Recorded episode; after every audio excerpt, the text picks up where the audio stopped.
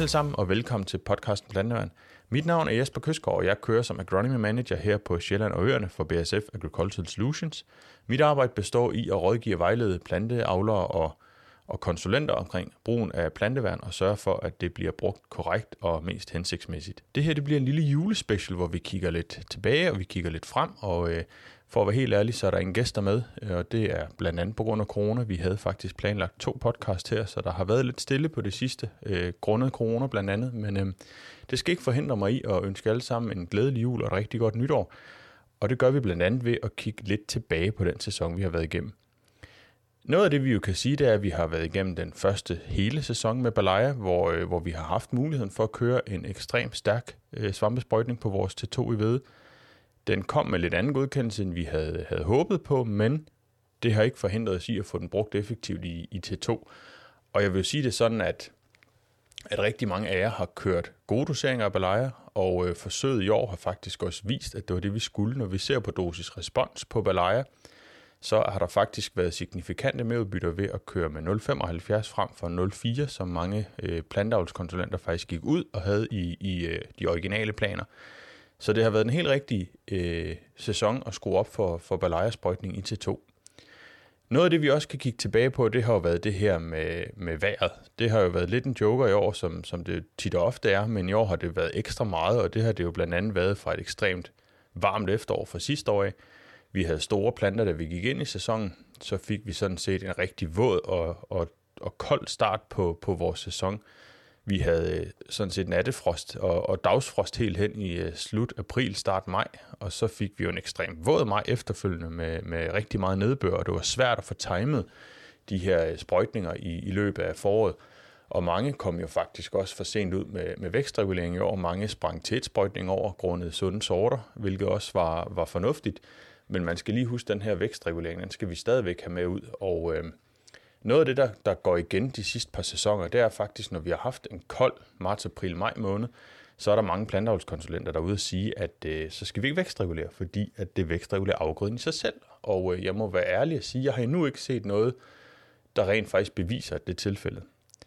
Jeg kan ikke nogen steder finde noget, der viser, at vi får mindre lejesæd af, at det har været koldt i foråret. Det er rigtigt, vi har mindre vækst i en periode, men den vækst, som vi jo normalt sætter i stå med en vækstregulering, gør jo faktisk bare, at plantens vertikale vækst går i stå. Den, den vokser stadigvæk, den vokser bare i celletykkelsen, i cellevæggene, øh, i, øh, i selve strået, og derfor så er det, vi får den her med, at de går mindre i leje.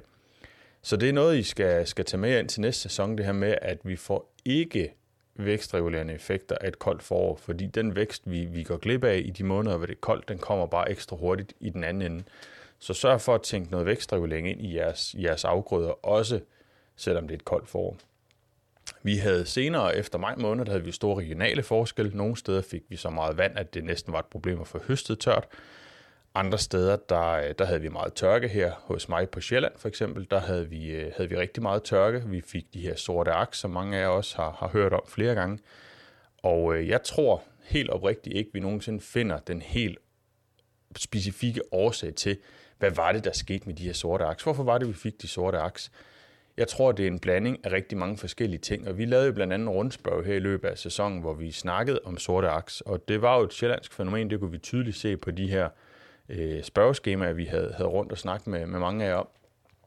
Og øh, mange sagde jo også, at de egentlig havde en teori om, at det var vandforsyningen, der, der ligesom svigtede. Og det, det kom jo egentlig af alle nordvendte skovkanter og, og de steder, hvor der står træer inde i marken, jamen i de her skyggeområder, der havde planterne ikke den samme fordampning af vand, og derfor så havde vi ikke de her sorte aks i de områder. Om det er den helt reelle årsag, det ved jeg ikke. Det, øh, det, det, der, jeg tror, det er et blanding af rigtig mange forskellige ting, og når man snakker med forædlere, og når man snakker med, med jer landmænd, og man snakker med konsulenterne, så er der masser af forskellige teorier, masser af forskellige, øh, jeg vil næsten kalde det ammestuesnak nogle steder, på hvad kan det egentlig være det her, men jeg tror simpelthen ikke, vi finder den helt præcise årsag. Der er nogle ting, vi begynder at kigge ind i, og det er jo blandt andet den her med, hvad kan, er der noget med den her vokslagsdannelse? Fra at vi går fra en kold og våd periode og ind til en varm periode, sker der noget med vokslaget der, som gør, at den er ekstra sårbar for kemi for eksempel? Er der noget på kemien, når vi snakker rigtig høj solstråling, UV-stråler? Det er noget af det, vi, vi blandt andet kigger ind i. Det vi også så, det var faktisk, at flere steder, der fandt vi skuffende udbytter i både korn og raps, og nogle enkelte steder har sikkert også i, i frøgræs, og igen meget regionale forskelle. Nogle steder har man høstet rigtig godt, og nogle steder har man høstet rigtig, rigtig skidt faktisk. Også selvom man har passet på sine sin planter hele vejen igennem sæsonen. Og det er, jo, det er jo noget, der er rigtig ærgerligt, når man står i, i starten af året og kigger ind i, i noget, der ligner en millionhøst, men det må vi jo så også lære igen igen, at vi kan ikke høste med øjnene, vi er nødt til at få majtasken igennem, før vi kan se et, et reelt udbytte af, af det arbejde, vi har gjort i løbet af sæsonen. Men vi er jo nødt til at handle med de øh, informationer, vi har på det givende tidspunkt. Så mange har jo også haft snakket om det her med blandt andet med Balaya. Var det for meget, vi kørte op på igen? Som jeg sagde i starten, forsøgene viste, det var det ikke. Det var faktisk den rigtige løsning. Men når vi kører et produkt, og det gør sig egentlig gældende, om det er vækstregulering, eller om det er svampsprøjtninger, eller om det er ukrudtsprøjtninger, med den information, vi har på det givende tidspunkt, vi laver behandlingen, der kan vi ikke gøre andet end handle på den. Vi ved ikke, hvordan vejret bliver. Vi ved måske, hvordan vejret bliver de næste 3-4 dage ud fra en vejrudsigt, eller så ved vi ikke, hvad vejrudsigten egentlig viser, og hvad det ender ud i, vi, vi står med, når vi kommer længere hen på sæsonen. Så et råd herfra, det er simpelthen at blive ved med at handle på de informationer, I har på det givende tidspunkt, og så lade være med at spekulere i, hvad bliver langtidsprognosen, fordi det kan vi ikke forudsige alligevel. Så, øh, så det handler om at, og gøre det, der er nødvendigt på det givende tidspunkt. Kigger vi lidt hen i den kommende sæson, så kan man sige, at vi starter ud et højprismarked. Mange af jer har forhåbentlig fået, fået solgt jeres raps til de gode priser, der har været i løbet af sæsonen, og, og egentlig også har delsolgt i hvert fald en del af, af rapsmarkerne, der står derude nu. Og det gør jo, at vi skal være ekstra, ekstra opmærksom på, at vi får behandlet de her rapsmarker ordentligt. Blandt andet så sådan noget som lejesæd. Hvis det er rigtig slemt lejesæd, som vi faktisk så flere steder i, i mit område herover øh, i år, jamen så øh, med de høje rapspriser, så er vi oppe og snakke næsten 8.000 kroner per hektar, når vi ser på ADAS-forsøgene i omkostning eller i udbytte tab alene på på lejesæd. Så derfor så i min optik, så er lejesæd simpelthen et no-go i rapsmarkerne. Og øh, den karriksbehandling, som mange snakker om, at, at den er ikke nødvendig, den er i høj grad en, man skal tænke ind, når vi snakker raps til 2022, fordi vi har det her højprismarked, og så kan det altså godt betale sig at passe ekstra, ekstra godt på tingene. Det gør sig selvfølgelig også gældende, når vi snakker hvede, byg, øh, frøgræs for den sags skyld. Vi skal sørge for at passe på tingene, og, og i år kan vi altså godt behandle ekstra meget, Sikkes har lavet beregninger på, hvad, hvad er det for nogle doseringer, vi skal ligge med, når vi snakker, når vi snakker svampsprøjtninger i forhold til øh, udbytte og, øh, og afgrødepriser. Og jo højere afgrødepris, jamen jo højere svampdosering skal vi ud med 1-2 med balaya blandt andet. Og det er noget af det, vi kommer til at snakke mere om, når vi kommer til næste sæson. En anden ting, vi skal snakke om, det er nogle nye triazolregler, der kommer. Og øh, de er ikke helt endeligt, øh, hvad kan man sige, oversat endnu, men noget af det, det kommer til at betyde, det er, at i dag, der kan vi behandle med en mængde af et triazol, og så, øh, og så tæller det for en eller anden mængde i det samlede regnskab. Den mængde bliver simpelthen sat ned, og jeg vil næsten sige, at den bliver sat drastisk ned til kommende sæson.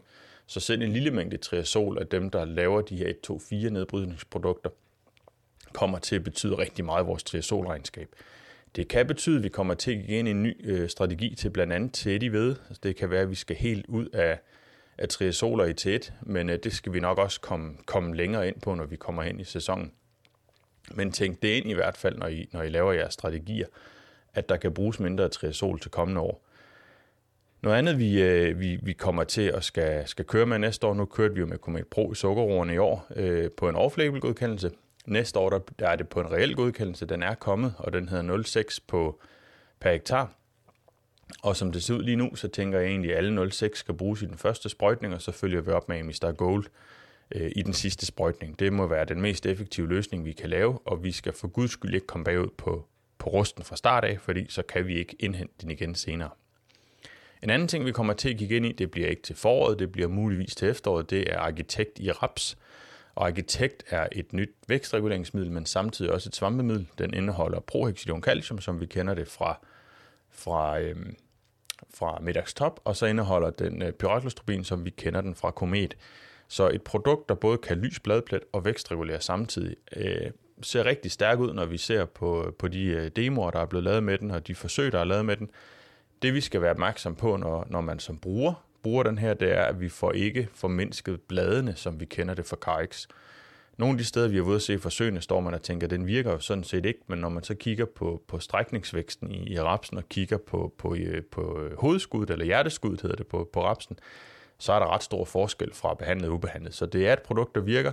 Det har bare ikke den samme effekt på, på bladene. Det skal I lige være opmærksom på, hvis, hvis I kommer til at køre med den til efteråret. Noget af det, vi også kommer til at, have mere med, det er jo selvfølgelig flere podcast. Og øh, nu kan jeg jo se rundt omkring, at øh, vi fik startet en god trend her i BSF. Der øh, er DLG laver deres egen podcast nu. Landbrugsmedierne laver deres egen podcast. Jeg så Tænketanken Frej er begyndt at lave podcast. Jeg er begyndt kort efter os, også med, med podcast. Så der er masser af muligheder for jer derude at blive fagligt opdateret. Jeg håber selvfølgelig, I, I både vil lytte til vores, men også de andres, fordi det her med at kunne blive klogere, når I alligevel kører rundt i marken, det er, er for mig en, en ret unik ting, vi, vi har fået lavet det her. Og øh, jeg synes jo egentlig selv, hvis vi skal klappe os på skuldrene og se tilbage, så har vi haft nogle ret gode emner med. Vi har jo blandt andet snakket ledelse, vi har snakket øh, korntørring, vi har snakket øh, produktspecifikke podcast, hvor vi er nede og rører i dybden på nogle af de her produkter. Hvad er det egentlig, de gør ude i marken? Vi har helt konkrete strategier i, øh, i de her podcast. Men udover det, så har vi faktisk også haft en, en podcast omkring, hvordan man skal prioritere sine opgaver her efter øh, vi havde det her kolde, øh, kolde våde vejr i, i foråret. Hvordan er det lige, vi ifølge os skal prioritere de her opgaver, når vi, når vi kigger på, på sprøjtesedlen og siger, at uh, der er meget, der skal udføres. Hvordan gør vi det helt konkret? Og noget af det, jeg har, har planlagt til kommende sæson, det er blandt andet at snakke med Agrokura om afgrødepriserne. Hvad er det egentlig, vi ser ind i? Hvorfor har vi de her høje afgrødepriser? Er det noget, vi skal vende os til? Er det blive, blive normen? Eller hvad ser de i, i krystalkuglen i forhold til vores afgrødepriser?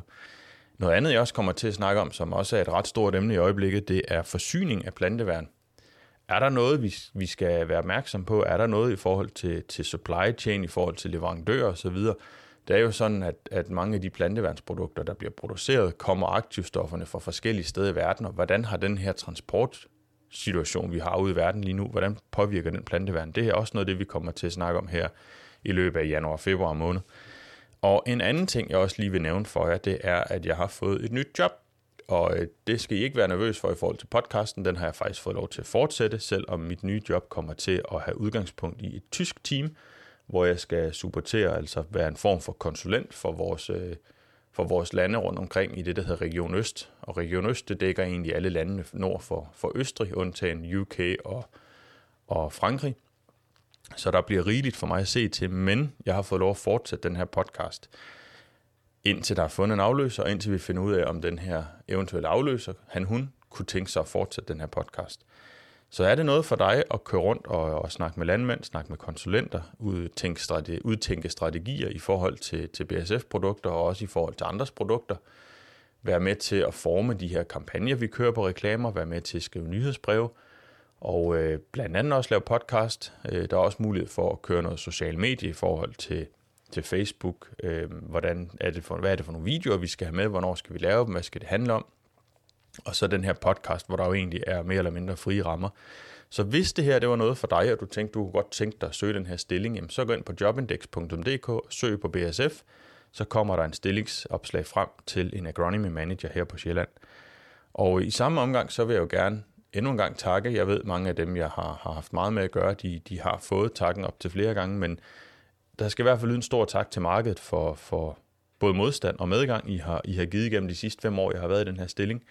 Det har været en fornøjelse, og øh, jeg håber på på et eller andet tidspunkt at vende tilbage til, til det danske marked. Jeg synes, det er ret unikt, det vi har med, med konsulenter og forsøgsarbejde i forhold til, hvad man ser rundt omkring i andre lande.